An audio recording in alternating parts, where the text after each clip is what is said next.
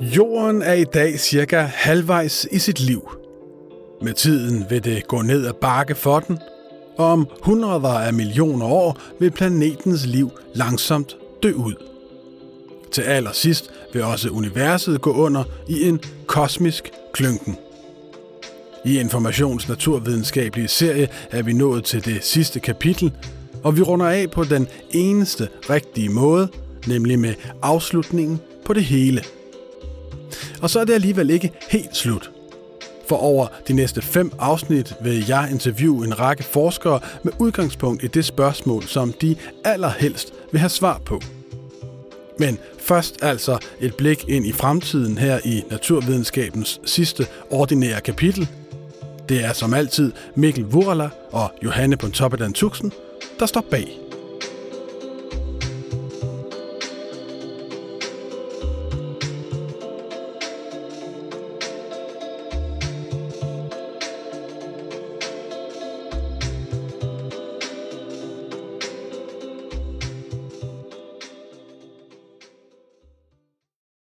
Himlen er prægtig og dejlig af jorden, når man står med et barn og glor op mod månens blege skive gennem en kikkert lavet af to sammenlimede toiletruller. Op gennem byens mørke prikker en stjerne hul i den unge nat med sine fotonfingre, og en lille smule lys afslutter der en rejse, der kan have varet i årtusinder, eller det der er værre. Så er det let at blive lidt sentimental og bare være et lille menneske på en stor planet, der i virkeligheden blot er en lille, oldgammel sten i en stor galakse i et absurd meget større og ældre univers. Bagude åbner fortiden sit svælg, svimlende at kigge ned i, men dog betryggende, fordi den førte frem til netop dette øjeblik. Ikke som fremtidens djævelske vifte af mere eller mindre sandsynlige udfaldsrum. Dog er det den vej, vi skal. Helt konkret og hele tiden, universelt og globalt, ind i fremtiden. Og altså også mere jordnært og lokalt lige her i den her artikel, som handler om de tider, der skal komme og henrulle, indtil universet er slut. Vi begynder i nutiden, hvor noget underligt er i gang med at udspille sig. Vi er nemlig begyndt at leve lidt mere i fremtiden. Det var jo den, som klodens ledere sigtede mod, da de indgik Paris-aftalen om at bremse klimaforandringerne. Fremtiden i år 2100, hvor temperaturen på kloden helst kun skal være steget 1,5 grader og allerhøjst 2. År 2100 er punktet, som mange af klimamodellerne simulerer frem imod. Fremtiden, som får demonstranter på gaden og rydder forsider og afgør valg – at vi kigger så langt frem, skyldes, at vi er ved at blive indhentet af fortiden. For selvom CO2-indholdet i atmosfæren lige nu er det højeste i mindst 800.000 år, afspejler temperaturstigningerne ikke endnu det fulde omfang af ændringerne, da opvarmningen er langsommere end udledningen, og sådan er det hele vejen ned. Selvom temperaturen alligevel slår rekorder nærmest hvert år, afspejler polarisen ikke det fulde omfang endnu. Og selvom sommerisen i Arktis nu fylder mindre, end den har gjort i 6.000 år, og Grønlands is smelter hurtigere end i 12.000 år, afspejler havstigningerne endnu kun en del af forandringerne. Og selvom havet stiger hurtigere end i årtusinder, er klimaforandringernes store hjul kun så småt i gang med at dreje. Konsekvenserne halter bagefter handlingerne. Mennesket har sat en masse drivhusgasser i himmelbanken og har sikret en langstrakt tilbagebetaling i form af ekstremt vejr, tørke, oversvømmelser, hede og forandrede økosystemer, der i menneskesamfundene omveksles til svigtende høst, druknende byer, vandmangel, flygtningestrømme og forringede levevilkår, der vil række langt ud over dette århundrede, selvom det er der vores politiske horisont for tiden går.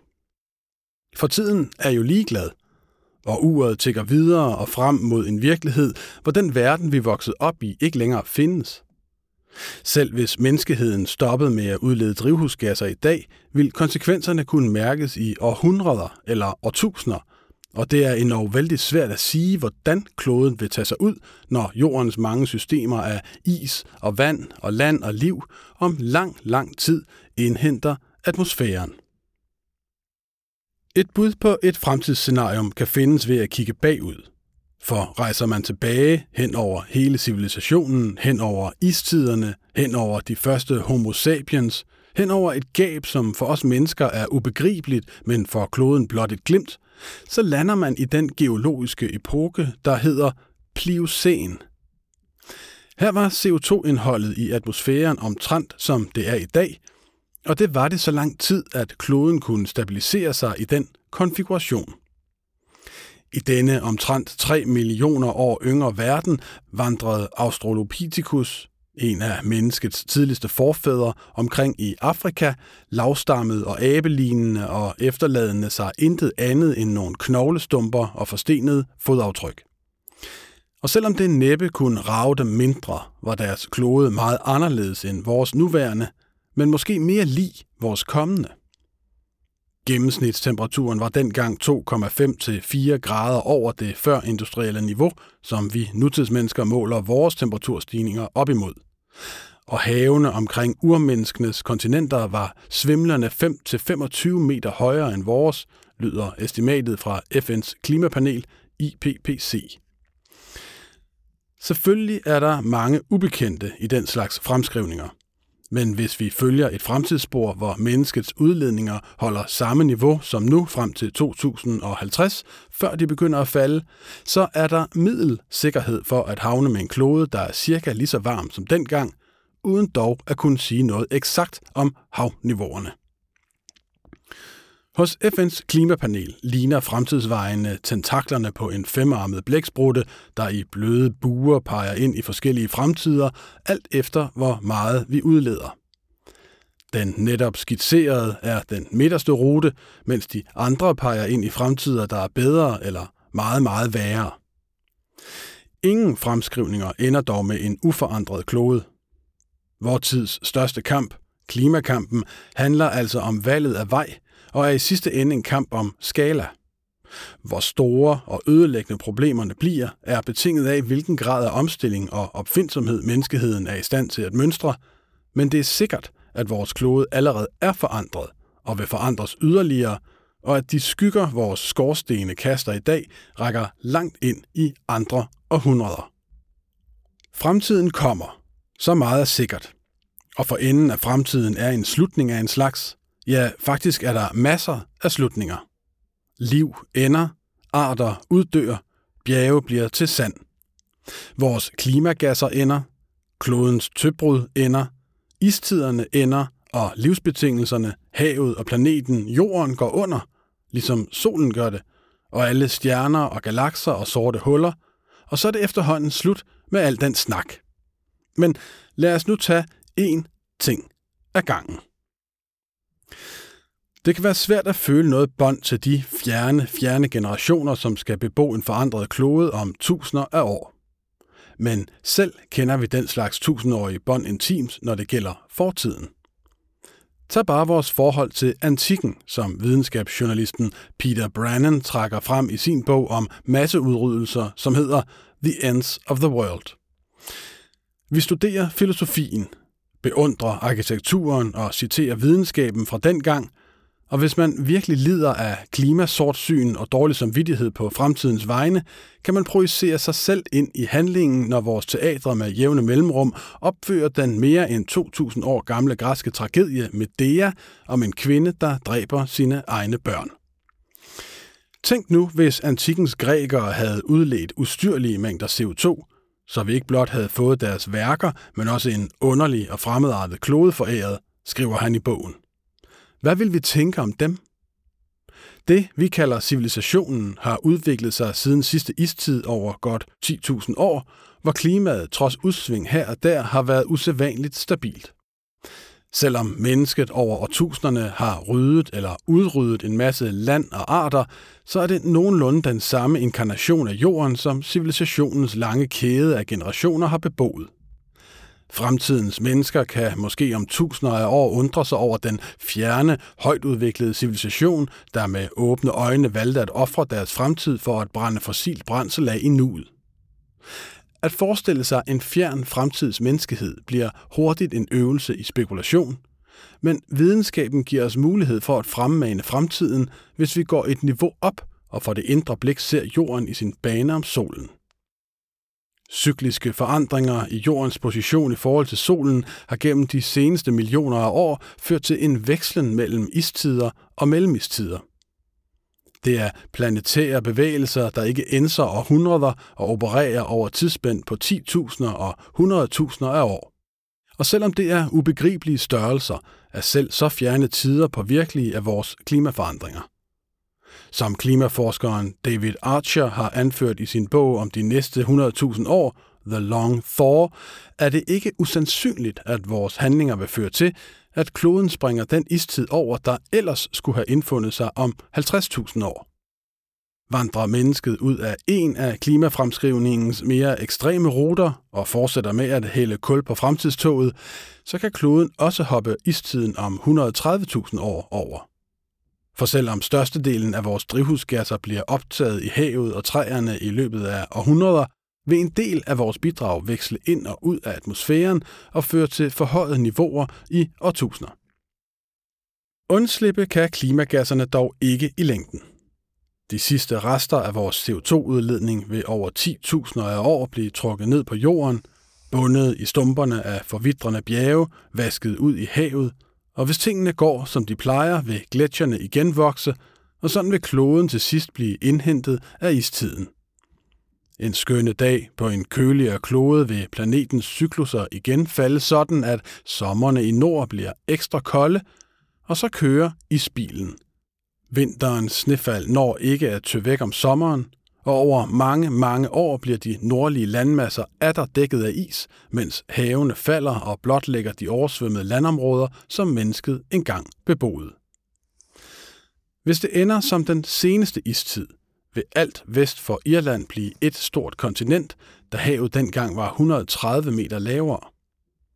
Dengang lå størstedelen af det, som i dag er Danmark, under flere kilometer tyk is hvilket i dag vil være rigtig skidt for boligpriserne, men det bliver næppe den største bekymring til den tid. Isen er en voldsom kraft, som vil vende tilbage en dag. Bulldozende old gamle befolkningscentre som New York og London, og hvis menneskerne stadig findes til den tid, må de migrere mod ekvator, ligesom de andre dyr. Men isen vil efterhånden tø igen, og selvom vor tids industrielle aftryk på klodens temperatur til den tid vil være væk, vil menneskets naturødelæggelse stadig kunne ses. De arter af dyr og planter, som vi i dag udrydder med foruroligende hast, er for evigt tabt, og genetablering af havets økosystemer kan tage millioner af år, hvis vi ufortrødent fortsætter vores forurening af oceanerne. Her er det vigtigt at lægge mærke til ordet hvis. For jo længere vi kigger frem, jo flere visser kommer der. Mængden af ubekendte stiger i en grad, hvor de let påvirker og forandrer det, vi ellers tror er bekendte størrelser. Let skeptisk ser han ud, Minik Rosing, der er professor i geologi og altså vant til at skrive over enorme spænd af jordens historie, når man beder ham fortælle om fremtiden. Fremtiden om 10.000 år, siger han. Ja, om den kan man sige lige, hvad man vil.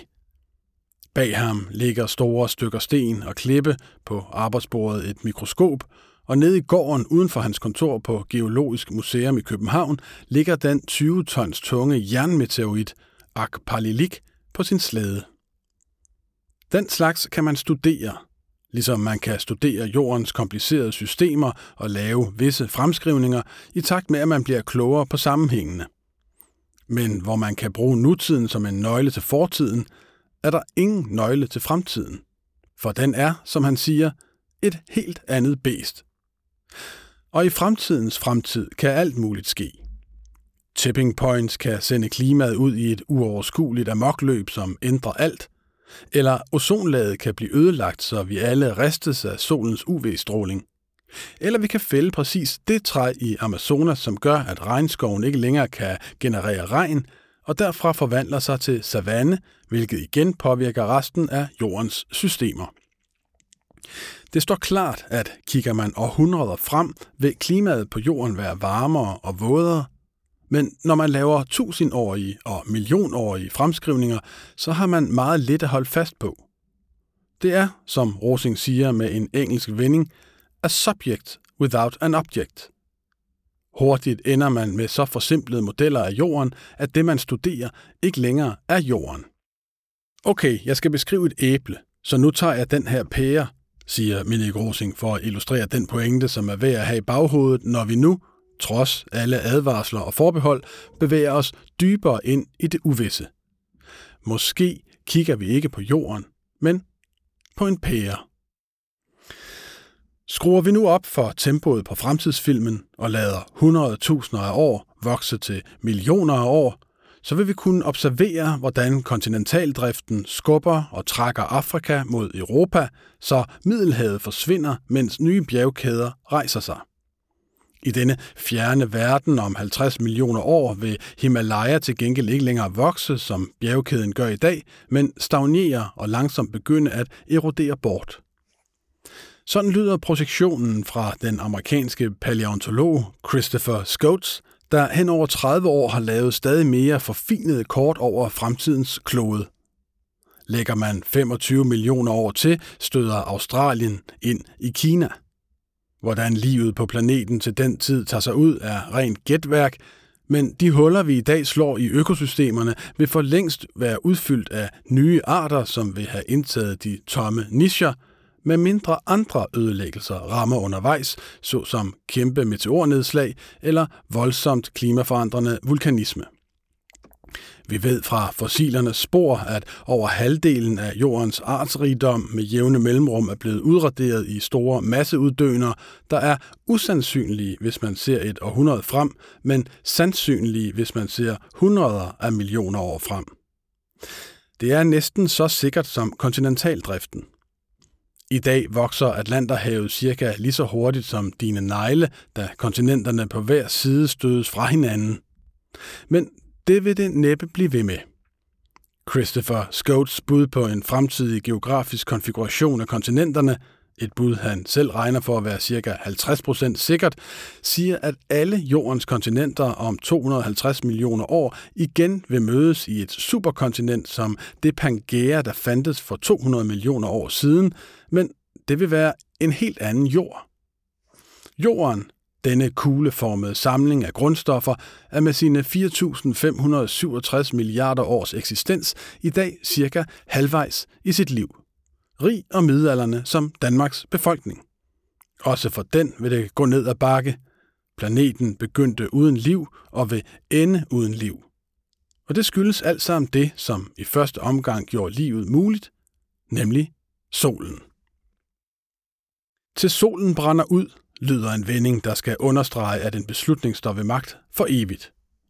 Men selvom det er sandt, at solen en dag løber tør for brændsel, er der en anden proces i gang, som vil gøre enhver beslutning totalt ligegyldig, længe inden solen brænder ud. Vores livgivende stjerne skruer langsomt, men sikkert op for intensiteten og stråler kraftigere og kraftigere, som tiden går. I løbet af sin levetid har solen skruet omtrent 30 procent op, og hvordan livet på jorden har kunnet overleve sådan et gradvist skifte, er stadig omdiskuteret. Men det kan skyldes, at der i planetens unge år var langt mere CO2 i atmosfæren, som kunne holde på den sparsomme solvarme. De to processer har fulgtes ad gennem planetens lange liv. Solen har skruet op, mens CO2-niveauet er faldet. CO2-faldet skyldes dels, at der ikke er så meget knald på vulkanerne længere, og at mere at atmosfærens CO2 trækkes ud af luften, af havene og bjergene og af livet selv, og det går hurtigere, jo varmere det bliver. I bogen The Life and Death of Planet Earth når astrobiologerne Peter D. Ward og Donald Brownlee frem til, at mangel på CO2 om hundreder af millioner af år vil slå store dele af livet ihjel. De første, som ryger, er planterne, og med dem kollapser også en masse andet. I vore dage bliver der talt ret ukærligt om CO2, men vi skylder dette molekyle vores liv. CO2 er en uundværlig ingrediens i fotosyntesen, der igen er basis for den fødekæde, som mennesket og nærmest alle andre dyr overlever takket være. Over tid er fødekæden dog dødstømt. Mere varme fra solen fører til mere skydannelse, mere regn, mere forvidring af bjergarter fra stadig voksende kontinenter, og alt det trækker CO2 ud af atmosfæren. Og på et tidspunkt, og mellem 500 millioner og en milliard år, når vi under et kritisk niveau, hvor fotosyntesen må give fortabt i selv de bedst tilpassede organismer.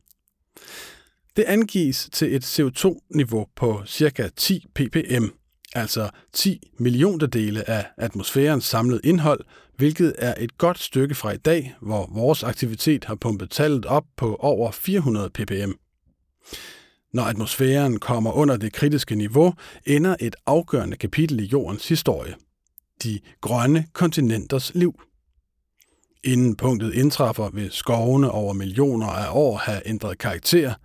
De fleste plantearter vil uddø og erstattes af andre, der kan trives med mindre kuldioxid. Farvel til regnskove, farvel til nåleskove, goddag til et væld af bambuslignende gevækster. Og så langsomt og glidende og måske endda endende i en langsomt bumpende dødskrampe, hvor genopblomstring afløser udryddelse af flere omgange, vil den levende grønne jord til sidst ende brun og livløs. Sådan lyder i hvert fald fremskrivningen i bogen The Life and Death of Planet Earth, hvor man kan læse sådan her om den fremtid, der oprinder om omtrent 800 millioner år. Kontinenterne er rødbrun ørken og klippe luften fuld af støv, og floderne chokoladebrune flettede deltager, der efter planterødderne slap deres greb, vasker de næringsrige jorder ud i havet. Luftfugtigheden er kvælende høj som lufttemperaturen, og væk er landjordens pattedyr, fugle og padder som drivtømmeret på strandene. Lidt mos og lidt lav måske, og enkelte tusindben og æderkopper på jagt, myrer på udkig efter de sidste rester af en svunden verdens næring. Over millioner af år er de fleste af dyrene blevet tvunget tilbage i de oceaner, de i sin tid stod op fra, da kontinenterne grønnedes. Nu lever også de på lånt tid. For selvom havets alger og plankton kan klare sig med mindre CO2 end komplekse landplanter, og altså agerer bunden af fødekæden i millioner af år endnu, så svinder også de ind, ligesom iltniveauet i atmosfæren, mens temperaturstigningerne accelererer, da den brune jord optager langt mere varme, end den grønne jord gjorde. Umærkeligt og ubundhørligt fortsætter solen stadig med at skrue op for intensiteten. 10% ekstra om en milliard år. 40% ekstra om 2,5 milliarder år. Dyrelivet på land vil uddø helt, og hvis ikke iltmanglen agerer bødel, vil temperaturstigningerne gøre det. Man kan leve underjordisk, være natdyr, migrere mod polerne, men slutningen vil være den samme. En dag vil de sidste dyr trække vejret for sidste gang, og det vil være enden på et meget stort kapitel på vores lille planet. De næste, som vil ryge, er de encellede væsener af den type, der har cellekerne, såkaldte eukaryoter, og efter deres exit vil bakterierne, ligesom ved livets begyndelse, være alene om at være i live og skønt haven og livet i dem vil have længere tid at løbe på, så vil også den være lånt. Den dag i dag går lidt af havet hele tiden tabt til rummet. Solens stråler splitter vandmolekyler i atmosfærens øverste lag, og brinten undslipper. Den proces accelererer under en varmere sol, og tilsat tid betyder det, at havene vil forsvinde og blotlægge de undersøiske bjergkæder og efterlade umådeligt store, saltglitrende sletter med enkelte søer, hvor bakterier i princippet kan holde den gående meget længere. I en modellering fra Potsdam Institute for Climate Impact Research lyder fremskrivningen, at livet på planeten endeligt vil uddø om 1,6 milliarder år. Fra jorden vil ingen længere glo op mod himlen med en kigger der paprører. en skam, for der vil være nok at se på. 4 milliarder år ude i fremtiden støder Mælkevejen og vores nabogalakse Andromeda sammen og bliver med tiden til én galakse. Snarere end et regulært sammenstød bliver det nok mere som en sammenflætning. Hvis solen var en ært, ville en typisk afstand til næste stjerne i Mælkevejen være som fra København til Berlin. Så der er rigeligt med plads til flere, og det betyder, at selv når hundreder af milliarder af stjerner flytter sammen, så vil der rent statistisk ikke være mere end to eller fire stjerner, der støder ind i hinanden, fortæller Sten H. Hansen, der er lektor ved Niels Bohr Instituttet. Men gasskyer mellem stjernerne vil mødes og fortættes, og tyngdekraften vil sørge for, at de til sidst falder sammen i kugler, hvor trykket i midten er så højt og temperaturen så voldsom, at brintatomerne begynder at fusionere, og dermed vil nye stjerner være født. Vores sol er på det tidspunkt ved at nærme sig endestationen på en proces, som de nye stjerner vil begynde. Nogle milliarder år senere har solen brugt brinten i sin kerne op og prøver i stedet at opretholde sit job som stjerne ved at forbrænde helium. Den går nu ind i en noget ustabil pulserende fase, der får dens ydre lag til at svulme op og blive rød. En rød kæmpe er født. Set fra den golde jord vil solens røde læme fylde hele himlen i dagtimerne, og heden fra den vil smelte alle rester af bjerge og dale og gøre kloden glat som en billardkugle. Om omtrent 7,5 milliarder år forgår solen i en dødsproces, som varer hundreder af millioner af år, mens den afstøder store dele af sin masse til rummet. Til sidst 11 milliarder år efter dens fødsel er solens karriere som dominerende kraft i et lille hjørne af Mælkevejen uigenkaldeligt forbi. For stjerner findes der groft sagt tre slags gravsten. De store stjerner får et sort hul eller en neutronstjerne i deres sted efter at være eksploderet som en supernova, mens mellemstørrelsestjerner ender som blegt glødende hvide dvæve. Solen hører til i den sidste kategori og ender som en ekstremt tætpakket kugle af kulstof og ilt, så afsindigt varm, at den gløder blegt i det tomme rum i milliarder af år, mens den køler ned og slukker. Ser vi os omkring i Mælkevejen, er der allerede i dag masser af den slags hvide dvæve strøget ud over det hele. Det er gravsten over svundne stjerner, solsystemer og, muligvis, liv, som alt sammen for længst er udslugt, og en sådan gravsten får vi også. Men det er naturligvis ikke enden på alt. Der er stadig et helt univers, som skal afvikles. Universet, som vi kender det, er i dag 13,8 milliarder år gammelt og er trods lange tider forude allerede nået ind i en sen fase af eksistensen. Børnene er rejst hjemmefra for længst, og pensionsalderen nærmer sig, som astrofysikeren Sten H. Hansen udtrykker det. Der var ligesom mere gang i det i det unge univers. Temperaturen var højere, stoffet var tættere, gasserne renere, stjernerne større. I dag dannes der langt færre stjerner, og mange af dem er børn og børnebørn af de første stjerner, dannet ud af deres udslyngede rester, som indeholder en masse metaller. Det gør, at flere af stjernerne af i dag er mindre i størrelse og lyser mindre. Alle disse nye stjerner ender en dag som hvide dvæve, og faktisk vil en stor del af stjernerne allerede være endt i den kedelige tilstand, når Andromeda og Mælkevejen smelter sammen. Som gassen i rummet bliver brugt op, dannes færre og færre stjerner, og til sidst slukker lyset. Og som om det ikke var nok, bliver der også længere mellem alt. Næsten alle galakser, bortset fra vores nærmeste markere, er nemlig på vej væk fra os.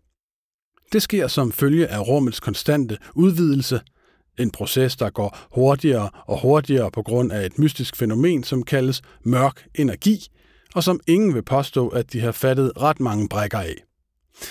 Mørk energi er betegnelsen for en slags negativt tryk, et skub, der synes at være en egenskab ved det tomme rum selv.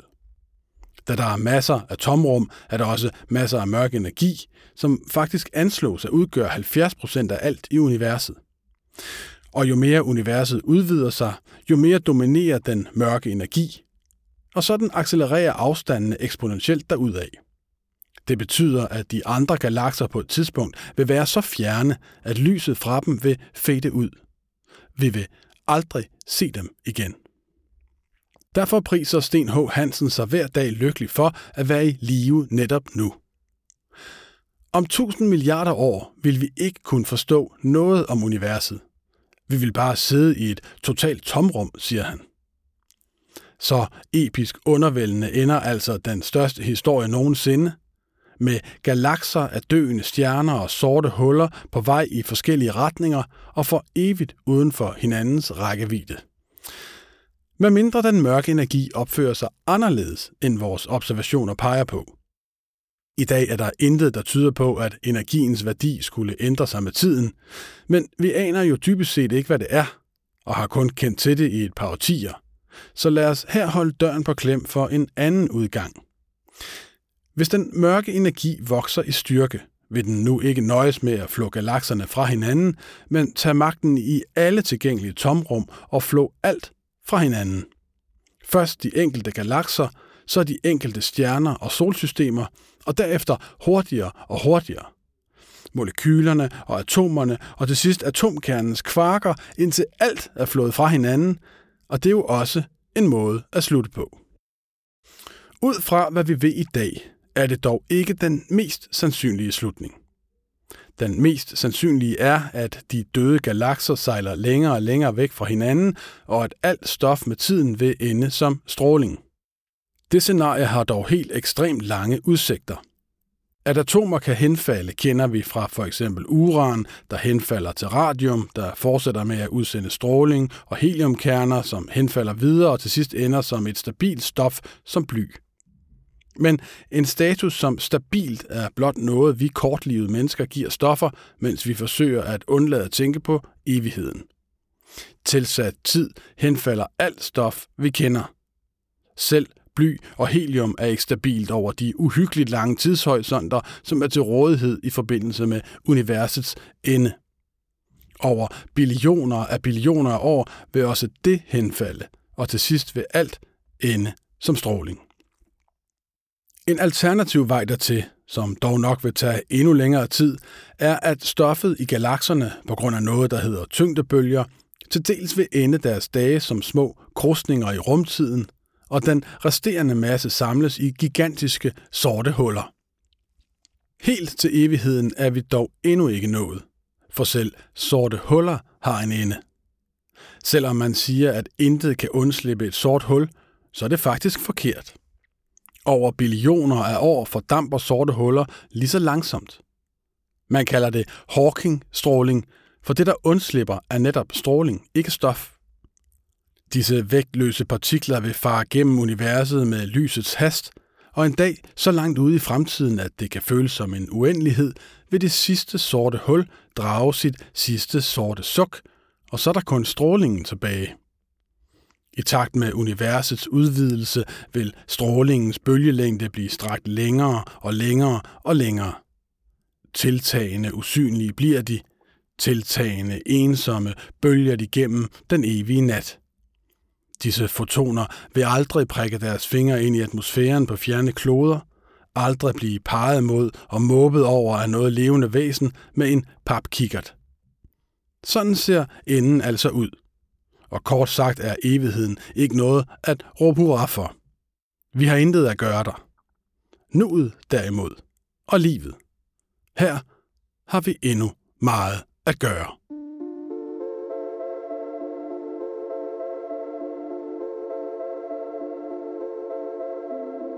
Det var afslutningen på ikke bare universets historie, men også på naturvidenskabsseriens sidste ordinære kapitel. Men det er som sagt ikke helt slut endnu. Over de næste fem afsnit vil jeg interviewe fem danske forskere, der tidligere har optrådt her i serien, og spørge dem, hvad de allerhelst vil have svar på inden for hver deres felt. Du kan følge med lige her i podcasten. Serien hedder Vi fortæller naturvidenskaben forfra, og den er støttet af Carlsbergfondet. Mit navn er Rasmus Bo Sørensen. Vi høres ved i næste uge.